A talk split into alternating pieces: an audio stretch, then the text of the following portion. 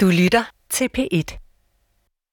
Det gør stort indtryk, det der med at se øhm, lemmer sådan stik op, stik op af vandet, eller ligge sådan fordelt ud over øh, et område, og, og, og se øh, døde mennesker blive øh, forladt, at der ikke er nogen, der, øh, der kan tage sig af det. At ligesom bare se dem strømme, strømme væk.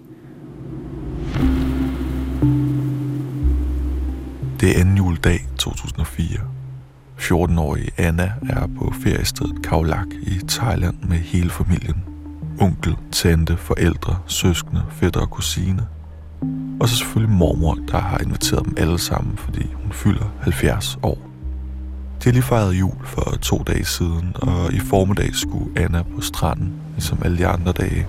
Hun er solskoldet, som kun en dansker kan blive det, og nyder den eksotiske formiddag. Pludselig trækker havet sig ud, langt væk, som kun lige kan ane en brusende kant i den flimrende horisont. Fra det ene øjeblik til det andet er strandbunden fuldstændig blottet. Små både står bare der skråt på skroget, og turister går rundt mellem fisk, der hiver efter vejret og samler de konkyler, der nu er blotlagt i det tørre hav. Pludselig rettes alle blikke ud mod den brusende kant, kommer tættere og tættere på, og folk begynder at løbe for deres liv.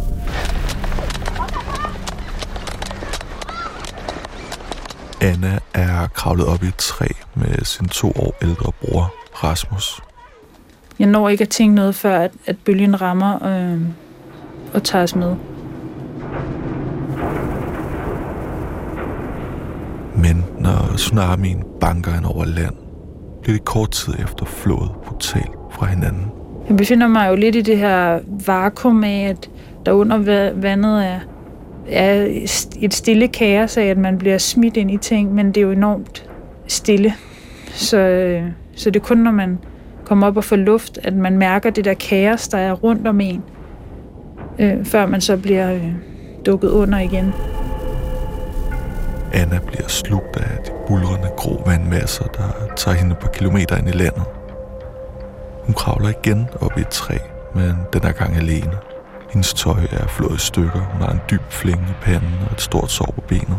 Men ellers er hun sluppet billigt, og det eneste, hun tænker på nu, er at komme endnu længere væk.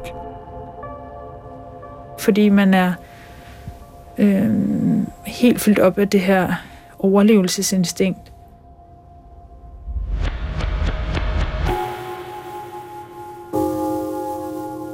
Lytter til Død i Paradis, anden og sidste del. Historien om en katastrofe set med et barns øjne, og hvordan venskaber kan blomstre selv med de mest umulige kår. Jeg går øh, med en lille flok af en, en kvinde og nogle børn, hvor den ene, øh, det ene barn ligesom mangler sit ben fra knæet ned. Der er kun en knogle. Og, og vedkommende er ikke i stand til selv at, at gå længere, og er, også ved at give op. Kommer ikke til at kunne overleve det, og, og hende er vi ligesom nødt til at lade ligge, for selv at kunne gå videre.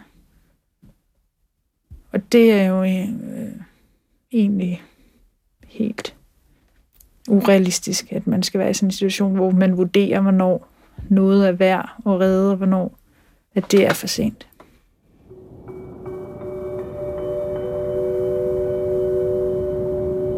Men som 14-årig er det jo ikke en vurdering, man er i stand til at, øhm, at lave om, hvorvidt man skal forsøge at redde nogle sårede, eller, øh, eller forsøge at redde sig selv. Jeg tog det egentlig ikke så meget ind, det jeg så. Jeg var så øh, opmærksom på, at at vi skulle søge videre. Søge opad. Vi er bare en lille sluttet flok, som, som følges ad, fordi vi, øh, vi er fra Skandinavien og forstår hinandens modersmål, og det føles enormt trygt på sådan et her tidspunkt, at man møder nogen, som, som henvender sig til en. Og den her kvinde, hun, hun tager os under sine øh, vinger og sørger for, at vi kommer med.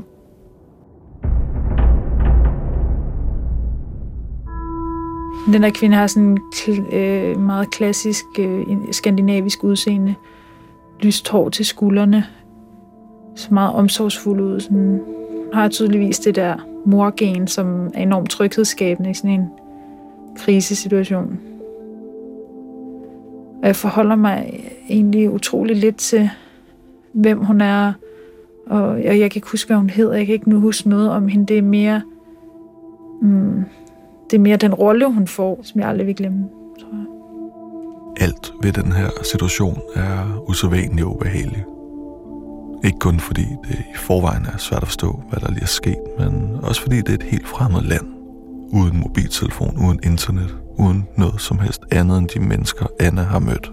Lige fra jeg kommer op af vandet, så er det noget af det første, jeg gør, det er at råbe på Rasmus. Jeg har jo den her fornemmelse af, at han må være lige i nærheden. Vi var sammen for meget kort tid siden, og hvis der var nogen af dem, der stadig er her, så, så må det være ham. Så jeg råber alt, hvad jeg kan. Øhm, hans navn, og føler på en eller anden måde, at han svarer mig, at han, at, at han råber Anna.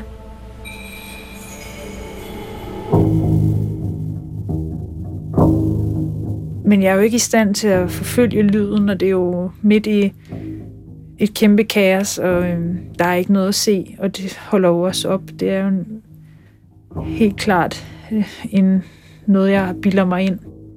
Anna har ikke set skyggen af sin familie. De var sammen på stranden i morges, men da vandet trak sig tilbage, løb hendes far og ældste storebror til hotellet for at finde kameraet frem, og resten af familien gik tilbage på værelset eller i poolen, indtil havet kom retur. Anna er sammen med sin bror Rasmus lige før alle begynder at løbe. Men nu ved hun ikke, hvor de alle sammen er henne. Øhm, så allerede da vi går der på stien, den lille flok mennesker, forestiller jeg mig jo, hvad, hvad der skal ske med mig, hvis jeg er den eneste tilbage. Den der øh, tanke om, hvem der så skal være ens mor, eller hvem der, hvem, hvor skal man bo, og hvem vil tage sig af en, og sådan noget. Fordi jeg er jo kun et barn på det her tidspunkt, så det er, det er helt klart de følelser, som, som allerede melder sig så tidligt i, i processen, før jeg ved noget om de andre. Jeg, hører, jeg havde behov for at føle, at jeg hørte til et sted. At hvis jeg ikke havde nogen øh, fra min egen familie tilbage, så, så kunne jeg ligesom høre til nogle andre. Så ville, øh, ville de tage, tage mig med og tage sig af mig. Som jo får jo ret hurtigt øh, skabt nogle relationer, som bliver afgørende for, at man tænker, man kan overleve.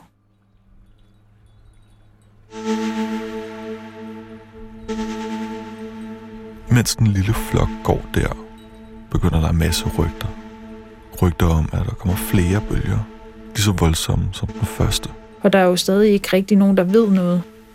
Men der er øh, en helt klar idé om, at vi skal søge opad. Så vi øh, får ret hurtigt at vide, at vi alle sammen, der går på den her vej, skal søge op mod en gummiplantage, som ligger nogle kilometer ude i terrænet, hvor man så kan søge op lidt ligesom på en lille bakke bjergtop.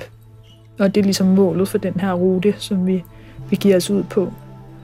Men hver gang der er en, der er en høj lyd, eller det mindste faresignal, så begynder folk jo at løbe igen. Og have den der fornemmelse af, at der kommer en bølge lige bag, bag os. Pludselig kommer der en scooter, der tager hele den lille flok med og kører dem op til en stor plantage af gummitræer. Op, så de er sikre på, at en mulig næste bølge ikke kan nå dem. Vi sidder jo tre mennesker og en tejer på den her lille bitte scooter, som kører os op i plantagen, hvor øh, vi bliver sat af og, og kommer op og sidder sådan på de her rækker, plantagerækker, som der er. Hvor der allerede er nogen, der har skaffet vand, og nogen, der danner sig overblik. Der er opstået sådan nogle, nogle lederroller, nogen, der har overskud, nogen, der ikke har været i vandet, øh, nogen, der har øh, sans for at organisere og gå rundt og prøve at berolige folk og finde ud af, os børn, der var der, hvem mangler vi, hvor hører vi til, hvilke skader har vi, hvem skal på hospitalet først, når vi kan køre gennem, øh, når vi kan køre gennem byerne igen. Så det er lidt sådan et opsamlingssted, et midlertidigt opsamlingssted. Øh, men der er stadig rigtig mange, der skal på hospitalet, og vi bliver placeret sådan lidt sammen, så vi har nogen at snakke med, og jeg bliver sat med en lille pige, der hedder Moa, og vi får ligesom besked på, at vi skal holde sammen. Så det gør vi, og hun er enormt stærk, og, og er der enormt meget for mig. Vil sørge for, at jeg kommer på en af de første biler, når vi skal til hospitalet. Øhm, og er opmærksom på at lede efter dem, jeg mangler, om, om de kunne sidde et andet sted i plantagen. Men på det her tidspunkt, der ved hun heller ikke selv, hvor hendes egen familie er. De er kommet op i plantagen, og nogen tager hurtigt styringen og får organiseret, hvem der først skal på hospitalet, og hvem der kan vente. Og det er her, der sker noget forunderligt. Et venskab opstår ud af det blå. Mor kommer fra Sverige og er på ferie med sin far og sin bror. Ikke den type venskaber, man har, fordi man har kendt hinanden siden børnehaven. Ikke den type venskaber, man har, fordi man bevæger sig i samme miljøer og deler interesser men et meget kortvarigt venskab, skabt af nødvendighed over for hinanden. Jamen, det er jo ret skræmmende og samtidig ret fint, at man kan knytte sig så stærkt og så hurtigt til nogle mennesker, man slet ikke kender. At øhm, i de der døgn er, er det jo nogle fremmede mennesker, der er mine absolute tryghedspersoner, og som er mine primære relationer i den situation, jeg nu er i. Og samtidig ved jeg næsten intet om dem. Jeg har svært ved at huske, hvad de hedder, hvor gamle de er, hvem, hvem, hvem der var deres familie. Fordi man, man er så optaget bare af at, at holde sammen og være der for hinanden. Så jeg oplever enormt mange af de her situationer, hvor nogen bliver samlet op og kørt videre, uden at nå at sige farvel. Altså, så når jeg tænker tilbage, så, så føles det helt afstumpet, alle de der folk, man bare lå gå uden at kunne rumme rigtigt og finde ud af, hvem de var. Fordi men så var det ligesom den anden, der var tilbage, der blev ens primær. Det er næsten kun mor, den her pige, som er, jeg tror hun er tre år yngre end mig, men som, som virkelig holdt sig øh, til mig og sørgede for, at, at jeg havde det godt. Hende, hun er nok den, der står sådan stærkest tilbage, fordi at øh, vi var sammen i ja, måske 24 timer. De sværeste af vores begge tos liv. Øhm, og jeg ved ikke engang, hvad hun hedder til efternavn. Og hvor hun er i dag.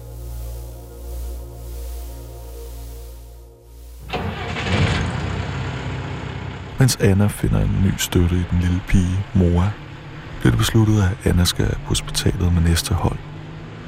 Der bliver hentet en lastvogn på det her tidspunkt, der er jeg jo helt syg efter at finde ud af, om der er nogle af de andre, der, der lever. Om vi kommer til at se hinanden igen. Det er selvfølgelig trygt at skulle på hospitalet. Og Anna håber på at kunne møde sin familie eller nogen, der ved noget på vejen. Men lige nu er det mest trygge sted faktisk Gummiplantagen, 10 km væk fra havet, sammen med mor. Jeg er slet ikke overbevist om, at det er slut på det her tidspunkt. Der er der er ens alarmberedskab jo enormt skærpet, og man har fuldstændig mistet den der følelse af, at nu er det overstået, fordi det, hvis det her kunne ske, hvad så er det næste? Så, øh, så vi er enormt bange. Men gør også, som der bliver sagt, når nogen beslutter, at vi skal sendes på de her ladbiler øh, og ned gennem området og ud til hospitalet, så, så gør vi også det. Det er allerede om, om eftermiddagen, at jeg er inde og blive syet på en fuldstændig overfyldt skadestue, hvor at mit jo, mine skader var jo bare bagateller i forhold til, hvad der var der, men man fik sådan en øhm, sådan et stykke plastikbånd rundt om håndledet, hvor der stod, hvem man var, og hvor man kom fra, og hvem man manglede. Og så var der ellers checklister, der hang på væggene, hvor der stod, hvem der var på hospitalet, hvem der var døde, hvem øh, der var levende, hvis de var registreret. Så man kunne hele tiden gå og kigge på de her opdaterede lister, om der var nogen, man kunne genkende. Hver gang der bliver en liste op med nye navne, døde, skadet, levende, strømmer alle hen til tavlen for at se, om der er nyt om de folk savnede. Man var jo helt syg efter at få lov til at se, når der kom en ny liste op. Man kunne genkende nogen, men det er jo også med hjertet helt op i halsen, at man står og, og tjekker efter, om man kan kende nogle af de navne, der er på den. Men jeg fandt ikke navn, som jeg kendte. Det var både på godt og ondt, kan man sige. Jeg var, ville virkelig gerne vide, hvor de andre var. Øhm. Men jo også lettet over at se, at de ikke optrådte på, på de her dødslister.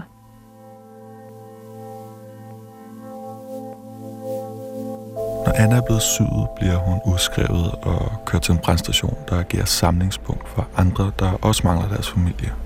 Det er et stykke oppe i landet, så man vurderer den her brandstation for at ligge for at være i sikkerhed for vand, hvis der skulle komme en ekstra bølge. Altså brandstation, det er bare et, et gulv med fire piller og et tag, så der er ikke nogen på den måde faciliteter. Det er lidt som en gymnastiksal, en åben gymnastiksal, hvor folk ellers bare lå og sov det, de kunne, og græd og skreg og ringede til deres familier. Men jeg ved jo godt, at det bliver rigtig svært at, at få fat i min familie, eftersom vi ikke har nogen telefoner, og at vi ikke ved, hvor hinanden er. Så for mig handler det om, hvornår jeg først kan komme til at ringe hjem til Danmark, og komme til at snakke med noget af det familie, vi har derhjemme, som måske ved noget. Øhm, igen var der et par mænd, som stod for at koordinere og registrere vores navne og fordele de øh, mobiltelefoner, som der var, som man kunne ringe fra. Så man fik et opkald hver og kunne ringe hjem. De få mobiltelefoner på brandstationen går på runde, og det er her Anna får muligheden for at ringe hjem til Danmark. Hun tog til Thailand med sin mor, far, søskende, onkel, tante, deres børn og mormor. Så hun vælger at ringe til sin farmor derhjemme. Og det er jo den her tid, hvor man ikke har mobiltelefoner. Til gengæld så var det også dengang, man kunne huske alle fastnet-telefonnumre. Så øh, jeg har jo ringet til min farmors fastnet-telefon hundredvis af gange, og kan det også i hovedet. Anna ringer til sin farmor. Men der er ikke nogen, der svarer. Men øh, så kan jeg huske min, min fasters families øh, fastnet-telefon. Så der ringer jeg til lige bagefter. Anna ringer op. Pludselig tager fasteren telefonen. Og hun er jo simpelthen så lettet over, at det er mig, der ringer. Og kan sige, at min farmor også derovre, at de samler sig og tænker meget på os, og har jo været så bange for, om vi var der alle sammen.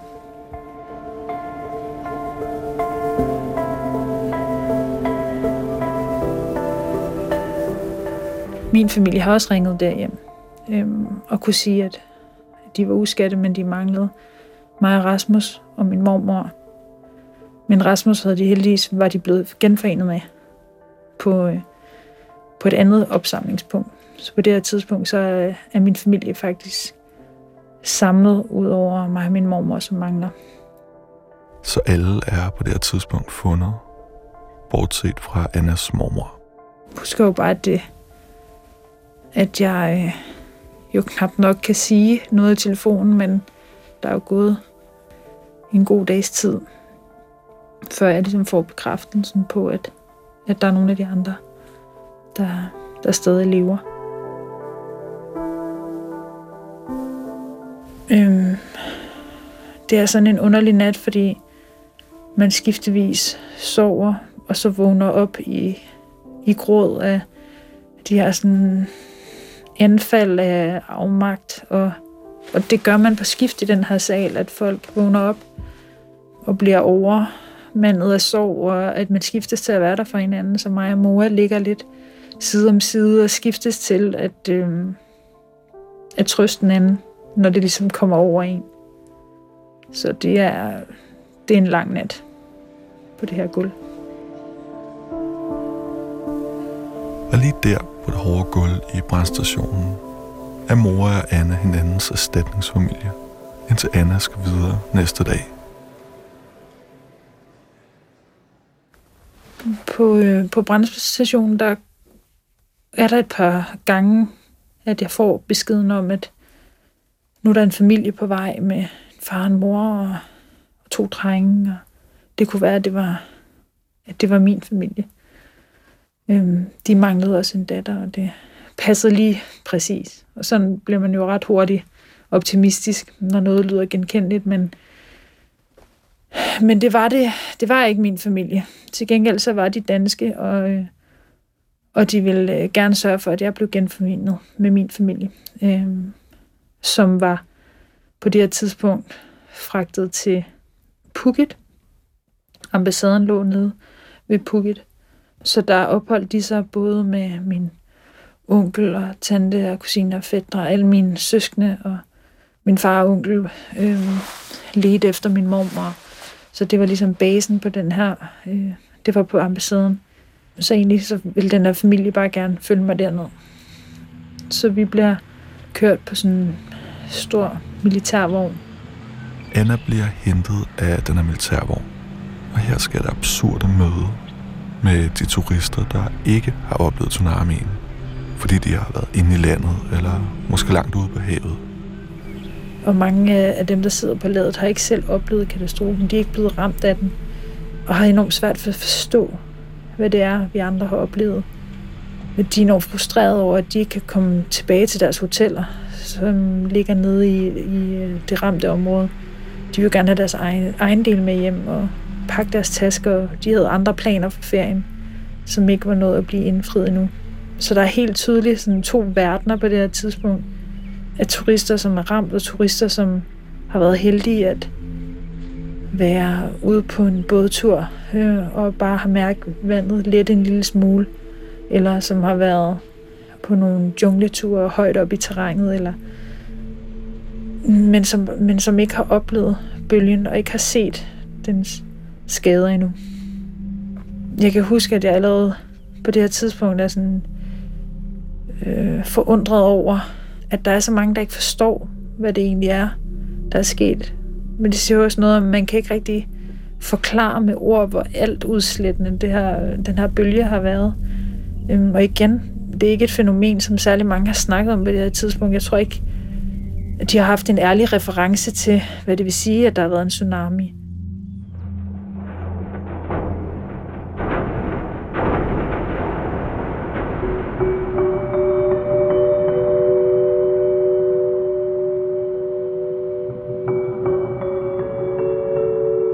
Annas krop har kørt på pumperne, siden hun blev flået med af bølgen og slugt en masse vand.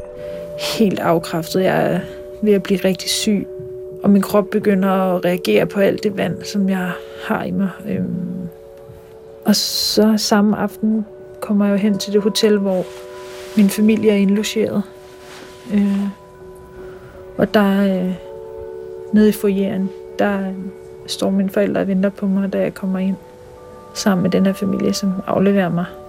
Øhm, så så det, er, det er de første, jeg ser. Det er mine forældre. Jamen, vi krammer bare. Jeg tror, at der bliver ikke sagt så meget. Der er ikke, der er ikke nogen ord, som rigtig kan beskrive eller forklare, hvordan man har det. Vi har måske heller ikke behov for at fortælle noget lige der. Vi har bare behov for at være der. Tsunamien i 2004 endte med at tage 225.000 liv. Her i døde 46 danskere. Myndighederne satte alt ind for, at alle danskere, levende som døde, skulle hjem til Danmark.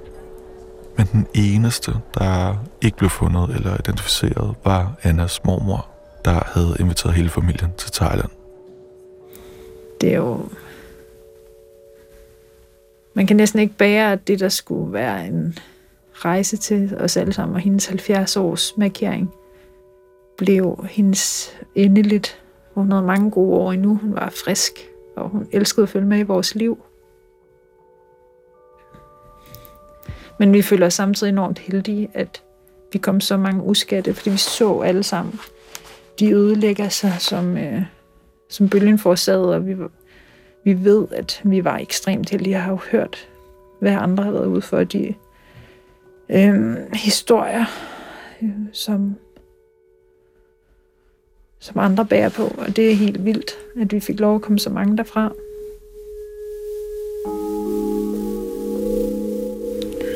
Jeg synes, noget af det, der står tilbage efter sådan en ekstrem oplevelse, som det her jo på mange måder er, det er jo også, hvor, altså, hvor simple vi er som mennesker. Det er jo det, der betyder noget, er jo vores relationer.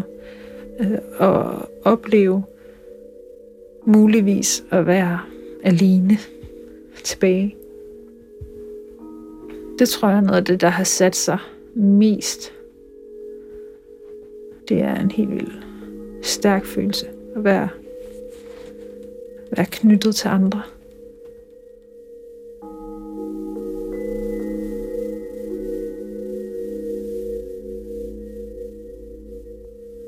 Har lyttet til Død i Paradis sidste del. Programmet er mixet og lyddesignet af Tobias Ingemann. Lukas Francis Klaver var også i redaktionen. Redaktør var Rune Spark Gertsen, og mit navn er Mads Peter Gynel.